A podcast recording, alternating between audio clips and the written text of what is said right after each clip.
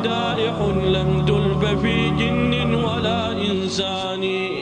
فالله بالأخلاق يذكر أحمدا وصف لأحمد ما له من ثاني. يا سيد السادات يا عثمان ترى أمر محمد في صعود وأمر قريش في نزول.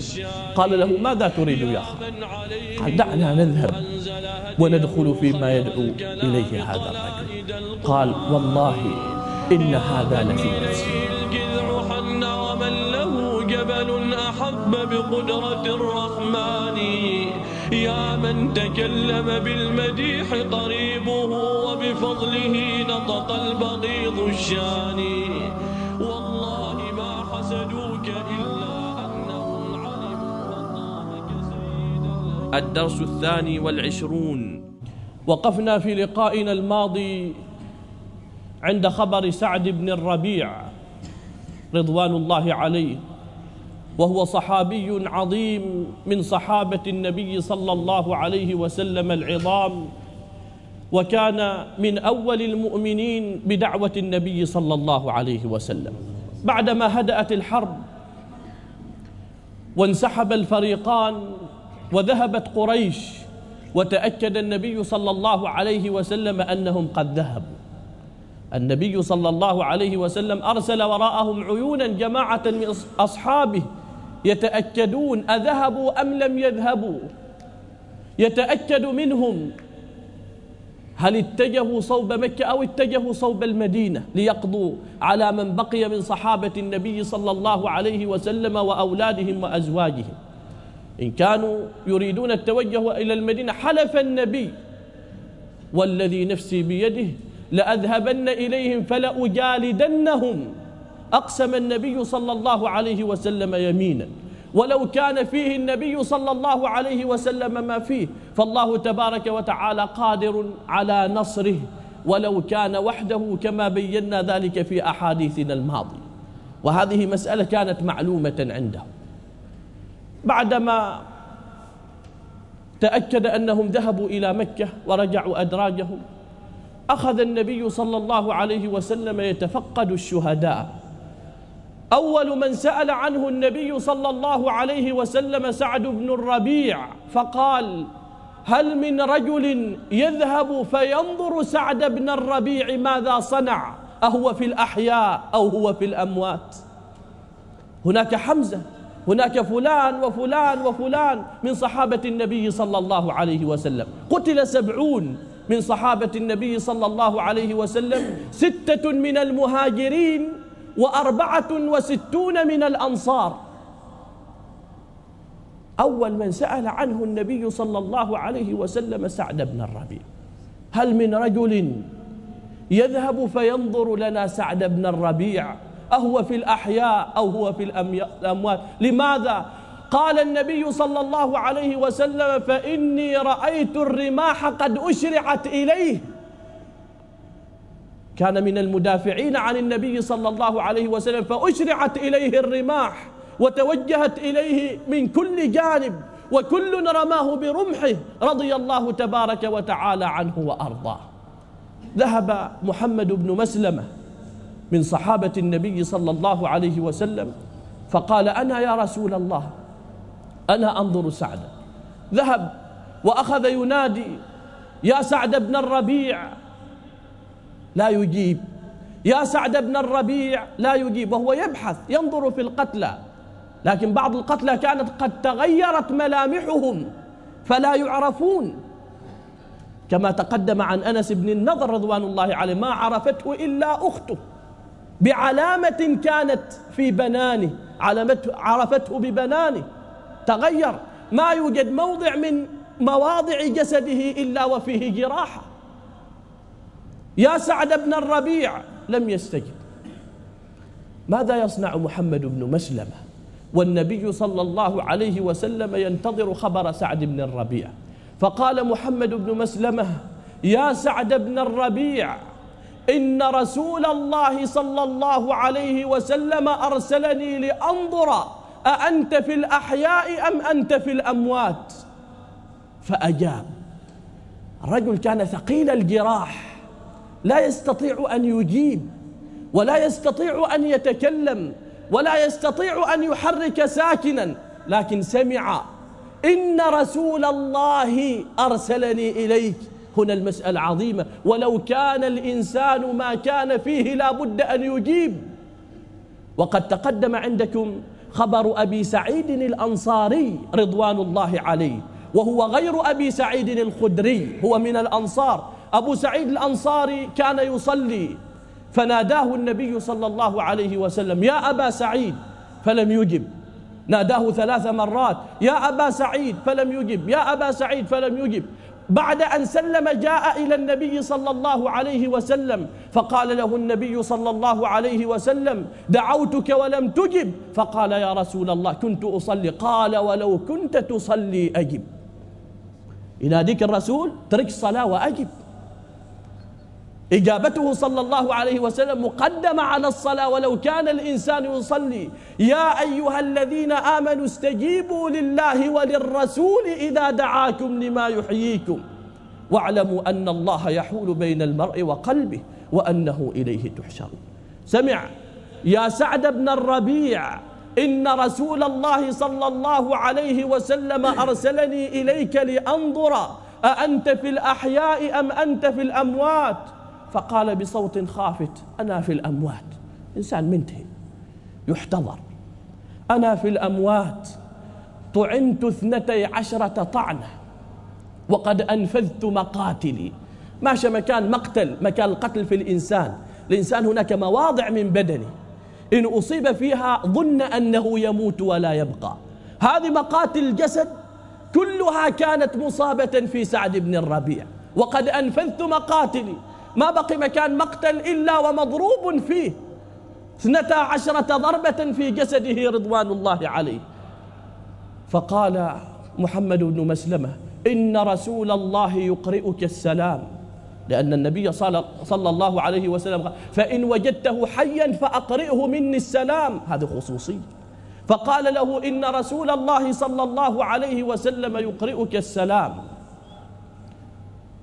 فقال أقرئه السلام وقل له جزاه الله خير ما جزي نبي عن أمته.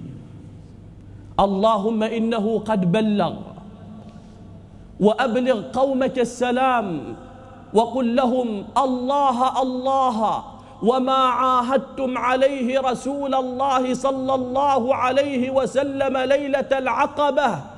فإنه ليس لكم عذر عند الله.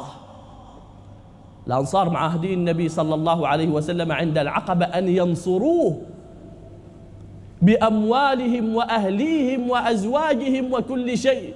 يقول بلغهم إياهم وخيانة الأمانة. إياهم وخيانة ما عاهدوا عليه رسول الله صلى الله عليه وسلم. الله الله.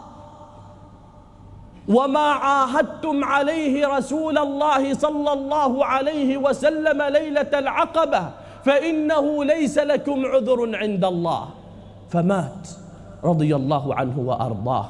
فرجع إلى النبي صلى الله عليه وسلم وأخبره خبره. فقال النبي صلى الله عليه وسلم رحمة الله عليه. نصح لله ولرسوله حيا وميتا. رحمة الله عليه نصح لله ولرسوله حيا وميتا. في يوم من الأيام كان أبو بكر خليفة رسول الله صلى الله عليه وسلم. سعد بن الربيع ترك ابنتين فأعطاهما النبي صلى الله عليه وسلم ثلثا ماله مال أبيهما. فكان ذلك بيانا لقول الله تبارك وتعالى وإن كانت فوق اثنتين فلهما الثلثان مما ترك. المقصود من اثنتين فصاعدا وليس من ثلاث فصاعدا. فكان هذا الأمر بيان. الإنسان إذا توفي وقد ترك بنتا فلها النصف مما ترك. ترك ابنتين فصاعدا. بنتين ثلاث أربع خمس فصاعدا. لهن الثلثان مما ترك. كانت اثنتين أو كانتا فوق ذلك. فكان فعله صلى الله عليه وسلم بيانا لما ذكره الله تبارك وتعالى في هذه الآية. في عهد خلافة أبي بكر الصديق رضوان الله عليه كان أبو بكر جالسا في مجلس الخلافة فدخلت عليه امرأة فسلمت عليه فأخذ أبو بكر الصديق رضوان الله عليه رداءه. هذا الرداء الذي يلبس فوق الثياب. شيء يشبه البشت. في هذا الزمان. أخذ رداءه فألقاه إليها لتجلس عليه. دخل بعد ذلك عمر بن الخطاب رضوان الله عليه فتعجب. رداء أبو بكر تجلس عليه امرأة. من هذه المرأة التي أعطاها أبو بكر الصديق رضوان الله عليه رداءه لتجلس عليه؟ عمر بن الخطاب سأله يا خليفة رسول الله. رأيتك تعطي المرأة رداءك وجلست عليه. من هذه المرأة؟ فقال له ألا تعرفها؟ هذه بنت من هو خير مني وخير منك. فقال له من يا خليفة رسول الله؟ بنت من يا خليفة رسول الله؟ فقال هذه بنت رجل تبوأ مقعده من الجنة وبقيت أنا وأنت. ما معروف حالتنا. من أهل الجنة أو لسنا من أهلها. هذه بنت رجل تبوأ مقعده في الجنة وبقيت أنا وأنت. هذا كلام أبي بكر الصديق. ويقوله لمن؟ يقوله لعمر بن الخطاب فكيف بغيره من الناس؟ فاعتبروا يا أولي الأبصار. هذه بنت سعد بن الربيع. فسكت عمر بن الخطاب رضوان الله عليه. هذا خبر سعد بن الربيع. ولماذا قدم النبي صلى الله عليه وسلم السؤال عليه؟ بعد ذلك قام النبي صلى الله عليه وسلم بنفسه يبحث عن حمزة بن عبد المطلب. فرأى رجل من الناس من المؤمنين النبي صلى الله عليه وسلم وهو يبحث عن حمزة بن عبد المطلب عن عمه رضي الله عنه وأرضاه. وقد كان حمزة في سن النبي صلى الله عليه وسلم. ذلك الوقت حمزة رضوان الله عليه عمره ثلاثة وخمسون عاما. قام يبحث عنه قال له الرجل يا رسول الله تبحث عن حمزة؟ قال نعم. قال رأيته عند تلك الصخرات. يقول أنا أسد الله أنا أسد رسوله. اللهم إني أبرأ إليك مما فعل هؤلاء أبو سفيان وأصحابه وأعتذر إليك مما فعل هؤلاء. يعني المؤمنين عند انهزامهم عن النبي صلى الله عليه وسلم. هذا الكلام كان قبل موته. فذهب النبي صلى الله عليه وسلم إلى تلك الصخرات. ولحقه المسلمون فوجد حمزة على حالة هالت. يقول ابن مسعود ما رأينا النبي صلى الله عليه وسلم يبكي بكاء كبكائه على عمه حمزة. بكى النبي صلى الله عليه وسلم عندما رأى حمزة وقد بقر بطنه شق بطنه. وجدعت أنفه وقطعت أذناه وقد تكلمنا عن ذلك. فبكى النبي صلى الله عليه وسلم. وقال النبي صلى الله عليه وسلم في حق حمزة رحمة الله عليك. قد علمتك فعولا للخيرات وصولا للرحم. ثم قال النبي صلى الله عليه وسلم وهو في حالة غضب لئن ظفرت بهم لأمثلن بسبعين مكانك. المقصود أفعل بهم كما فعلوا بحمزة رضوان الله عليه. الصحابة رضوان الله عليهم عندما رأوا بكاء النبي بكوا. وقالوا لئن ظفرنا بهم مرة أخرى لنمثلن بهم مثلة ما مثلها أحد من العرب. غضبا لغضب النبي صلى الله عليه وسلم. فتنزلت الآيات على النبي صلى الله عليه وسلم وإن عاقبتم فعاقبوا بمثل ما عوقبتم به. مثل بواحد مثلوا مثلوا بواحد. هذا القرآن وعدل القرآن. يعلم نبيه ويعلم المؤمنين في كل مكان وزمان. وهناك منزلة فوق هذه المنزلة ودرجة فوق هذه الدرجة. ولئن صبرتم لهو خير للصابرين. واصبر وما صبرك إلا بالله. ولا تحزن عليهم ولا تكن في ضيق مما يمكرون. تنزلت عليه فقال النبي صلى الله عليه وسلم لأصبرن. اختار المنزلة العليا. لأصبرن ثم نهى أصحابه عن المثلة بأحد ولم يجز لهم التمثيل وحثهم على سلوك الطريق التي سلكها واختارها النبي صلى الله عليه وسلم وهي الصبر. لكن هذا الأمر الذي فعل بالنبي صلى الله عليه وسلم لم يكن قليل. ثم إنه سجي رضوان الله عليه برداء ببردته. جاءت صفية. من صفية؟ أخت حمزة.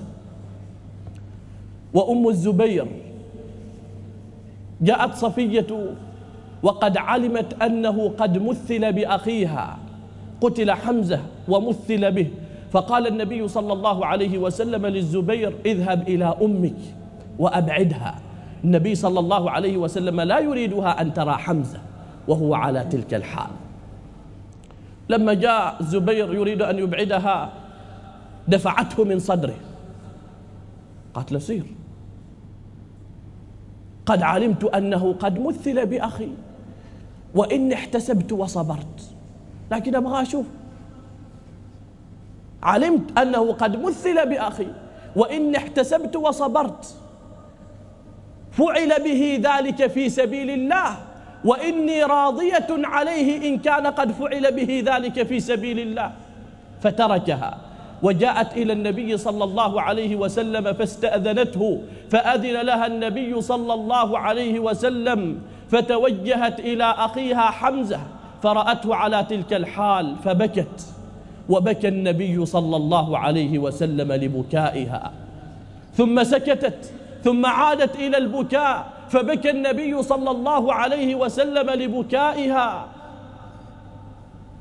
ثم بكت فعاد النبي صلى الله عليه وسلم وبكى لبكائها فكان كلما بكت بكى النبي صلى الله عليه وسلم. ولذلك قال ابن مسعود رضي الله عنه ما رأينا النبي صلى الله عليه وسلم باكيا كيوم مقتل حمزة رضوان الله عليه. ثم إن النبي صلى الله عليه وسلم أمر بها فأخذت أبعدت فسجي بثوب نمرة. ما المقصود بالنمرة؟ ثوب من الصوف أو بردة من الصوف. إن غطي بها قدماه ظهر رأسه وإن غطي بها رأسه ظهرت قدماه. وقد وقع مثل ذلك لمصعب بن عمير رضوان الله عليه الذي كانت أمه غاية في الغنى وغاية في كثرة المال فاختار الله ورسوله عن أمه وغناها ولحقه بعد ذلك أخوه. ولذلك في بدر أحد إخوته أسر في بدر وكان في قبضة أحد المؤمنين. يوم شاف أخوه نهمه قال ده أخويا ينفعني اليوم. فقال أخوه للمؤمن الذي أوثقه شد عليه وزد فإن أمه غنية مستعدة تدفع له أكثر عن غيره. عن تفرط فيه هو ده تحصل من وراء فلوس. قال مو هذه الأخوة؟ قال لا باشا أخوة بيني وبينك من تهيه باشا أخوة. قل إن كان آباؤكم وإخوانكم وأبناؤكم وأزواجكم وعشيرتكم وأموال اقترفتموها وتجارة تخشون كسادها ومساكن ترضونها أحب إليكم من الله ورسوله وجهاد في سبيله فتربصوا حتى يأتي الله بأمره والله لا يهدي القوم الفاسقين. قال لا شد عليه وزد. هذا أمة مستعدة تدفع أي شيء عندها أموال طائلة. تعطيك شيك مفتوح كما يقول. مصعب بن عمير رضوان الله عليه قتل أيضا. فحضرت بردة. كان إذا غطي بها رجلاه ظهر رأسه. وإذا غطي بها رأسه ظهرت رجلاه.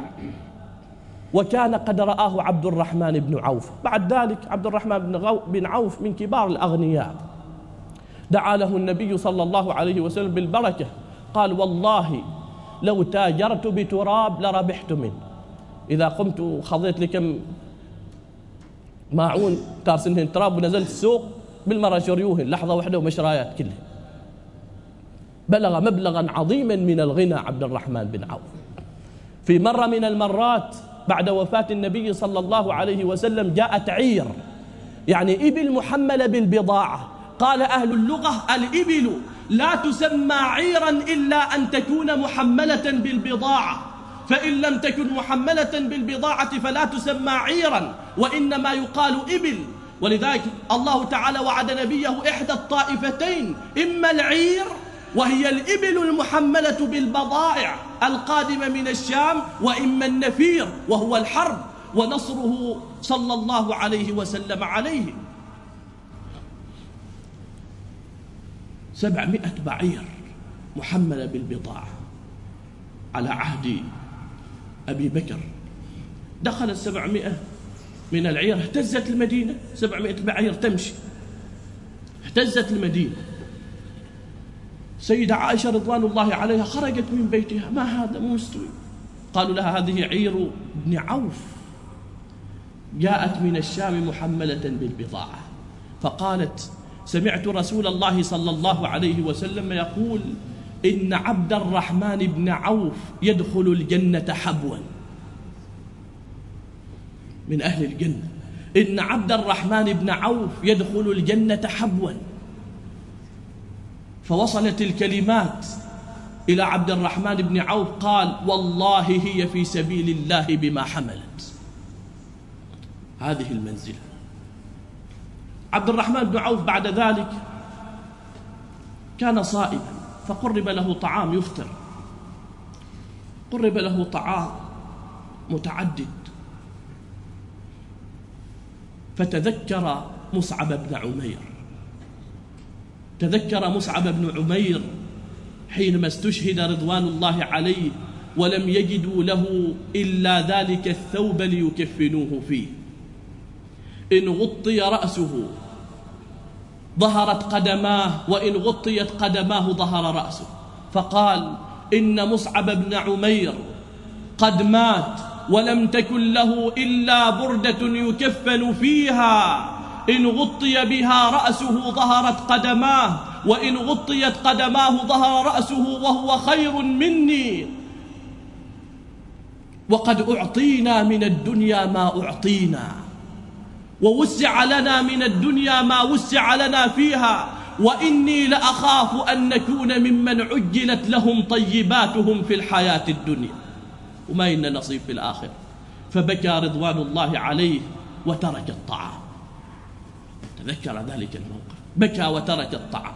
قال تلك المنزل وتلك المكانة.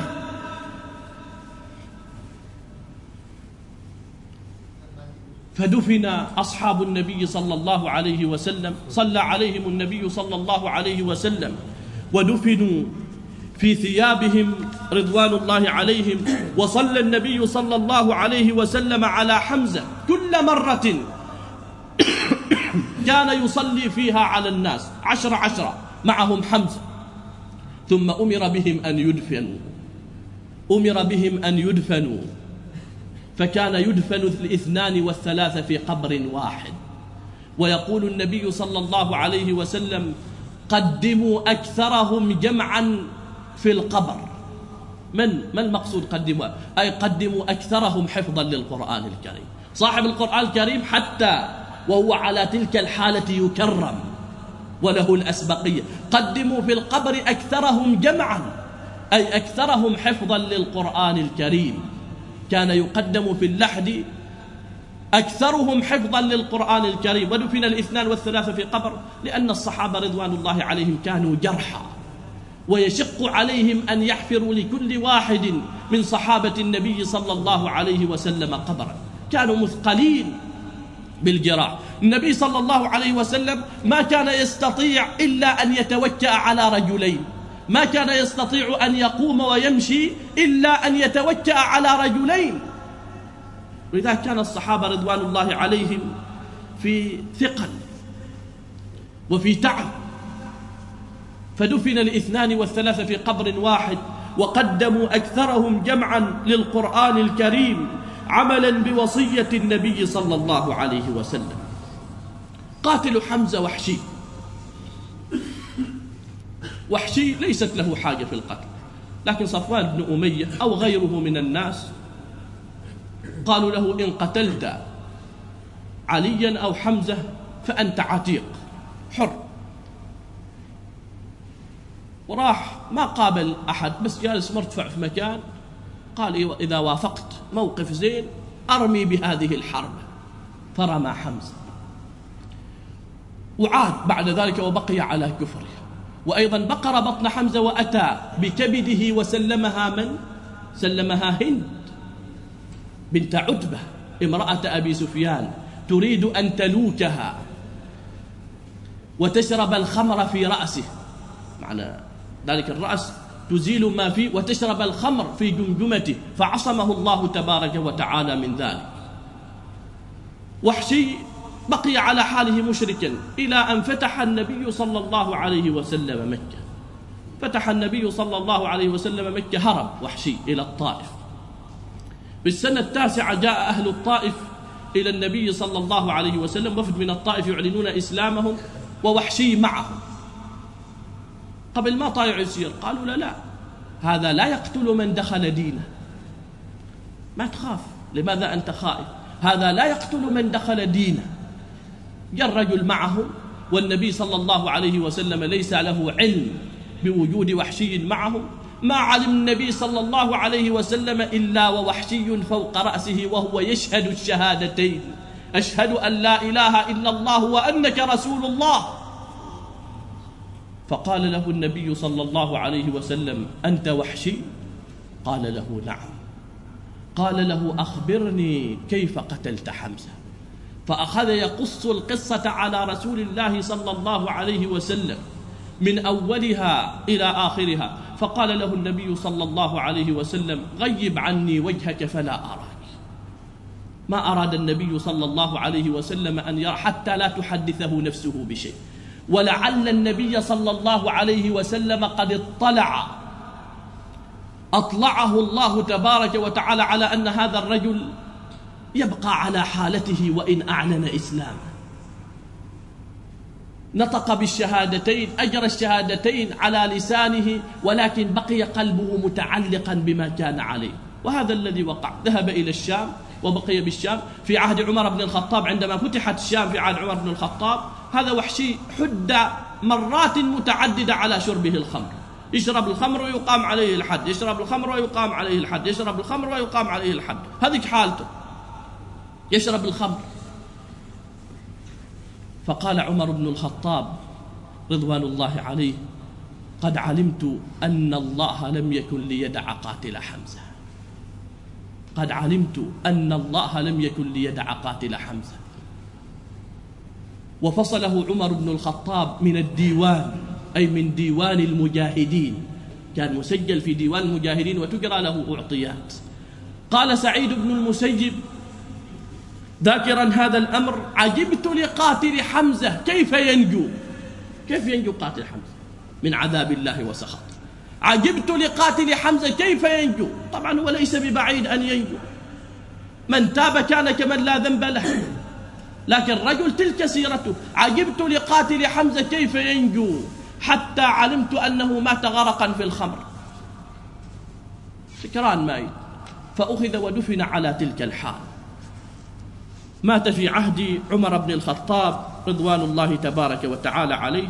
وأما حمزة فتلك منزلته ومكانته عند الله تبارك وتعالى. ومثل بعبد الله بن جحش. وهو ابن عمة النبي صلى الله عليه وسلم.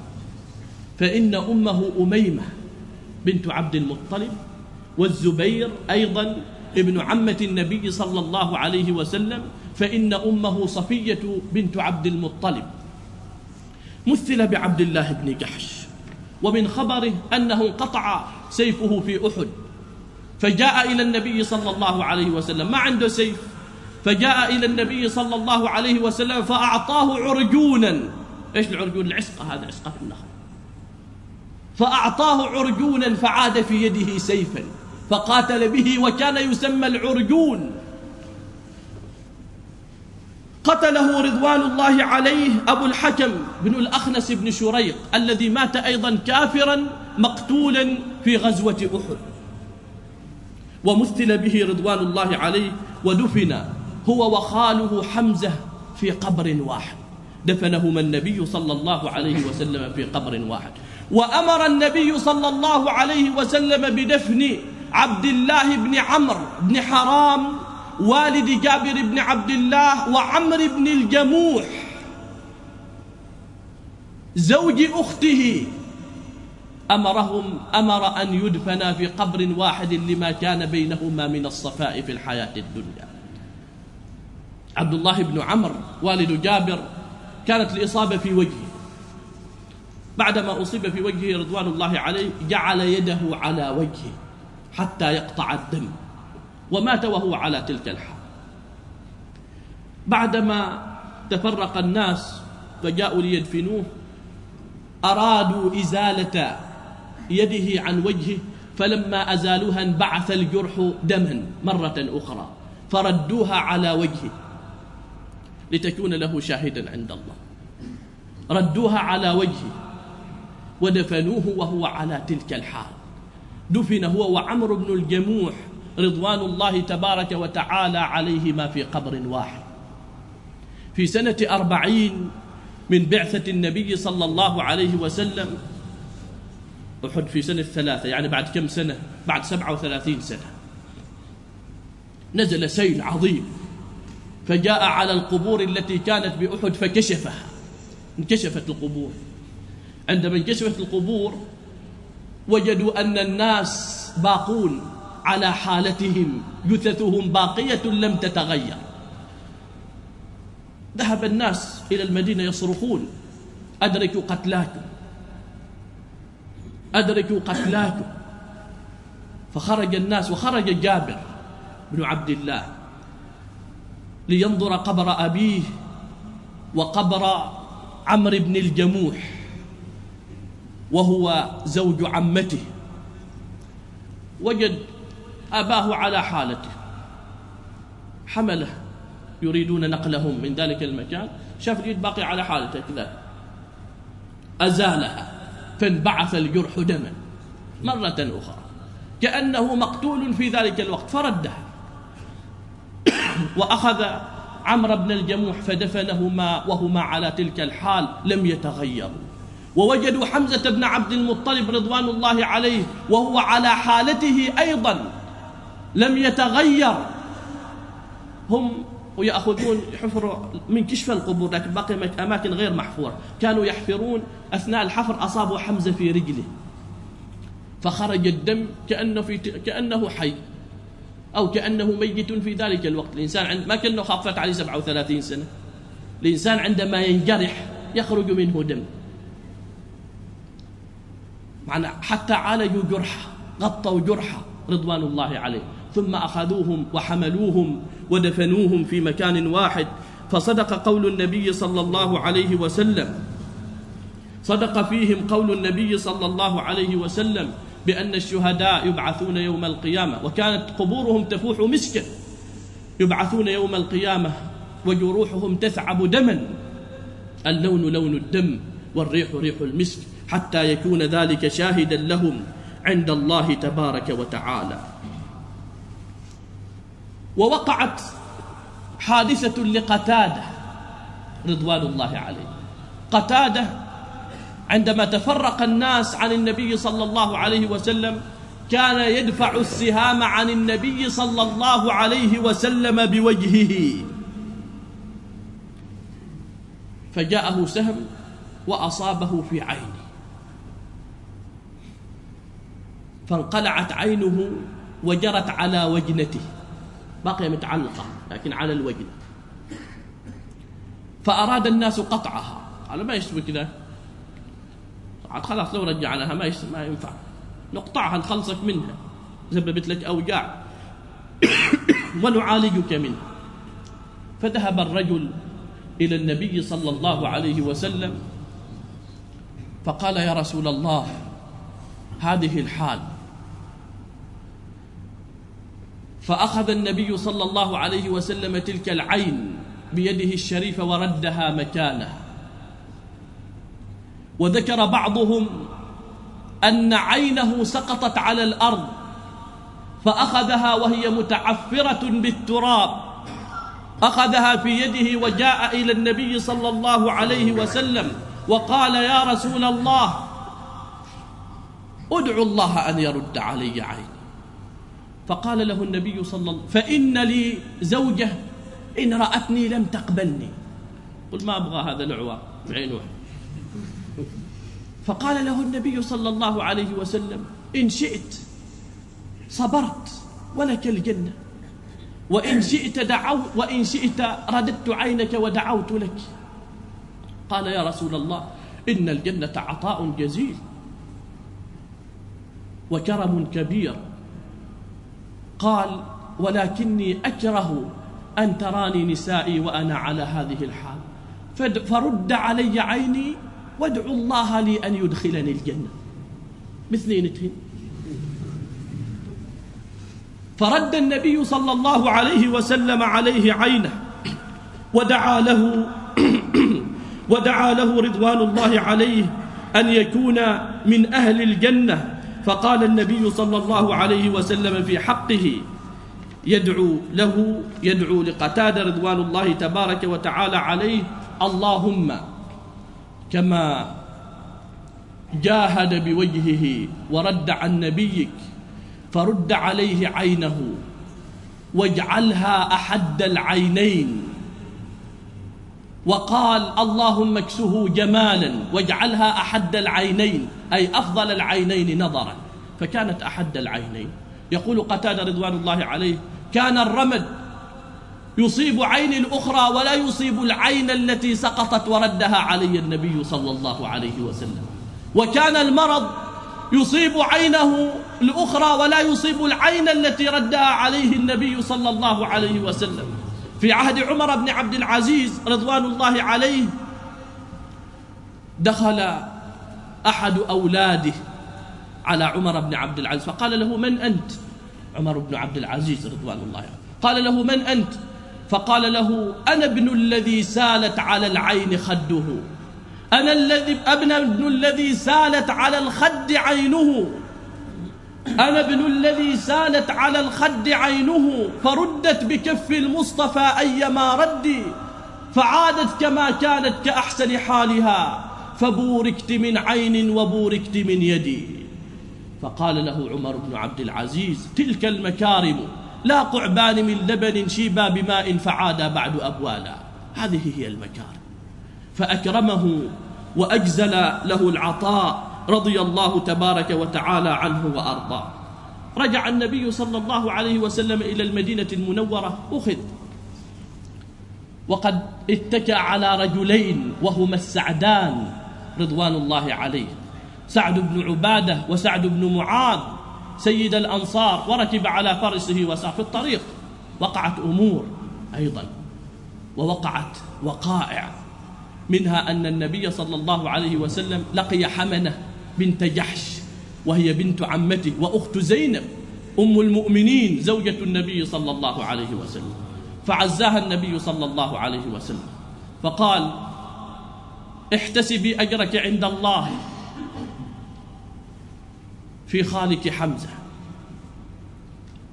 قالت احتسبت أجري عند الله. غفر الله له هنيئا له الشهادة. فقال لها النبي صلى الله عليه وسلم مرة أخرى احتسبي أجرك في أخيك عبد الله. فقالت احتسبت أجري عند الله غفر الله له هنيئا له الشهادة. ثم قال لها النبي صلى الله عليه وسلم احتسبي أجرك عند الله في زوجك مصعب بن عمير. فقالت وحزناه وأخذت تبكي. فتعجب النبي صلى الله عليه وسلم. يوم قالوا لها خالها ما بكت صبرت. صبرت هي صابرة. قالوا لها أيضا أخوها ما بكت صبرت يوم قالوا لها الزوج دارت تبكي. فتعجب النبي صلى الله عليه وسلم. وقال إن للزوج مكان لا يبلغها أحد عند النساء. بعد أن سكتت والنبي صلى الله عليه وسلم ينتظرها يريد أن يواسيها. ننظر إلى أدب النبي صلى الله عليه وسلم. سألها النبي صلى الله عليه وسلم كيف؟ عندما ذكرنا لك خالك صبرت ذكرنا لك أخاك صبرت ذكرنا لك زوجك بكيت.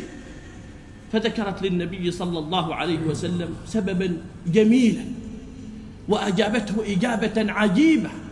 فدعا لها النبي صلى الله عليه وسلم. ولكن بيان ذلك وتفصيل في لقائنا القادم بمشيئة الله تعالى وتوفيقه.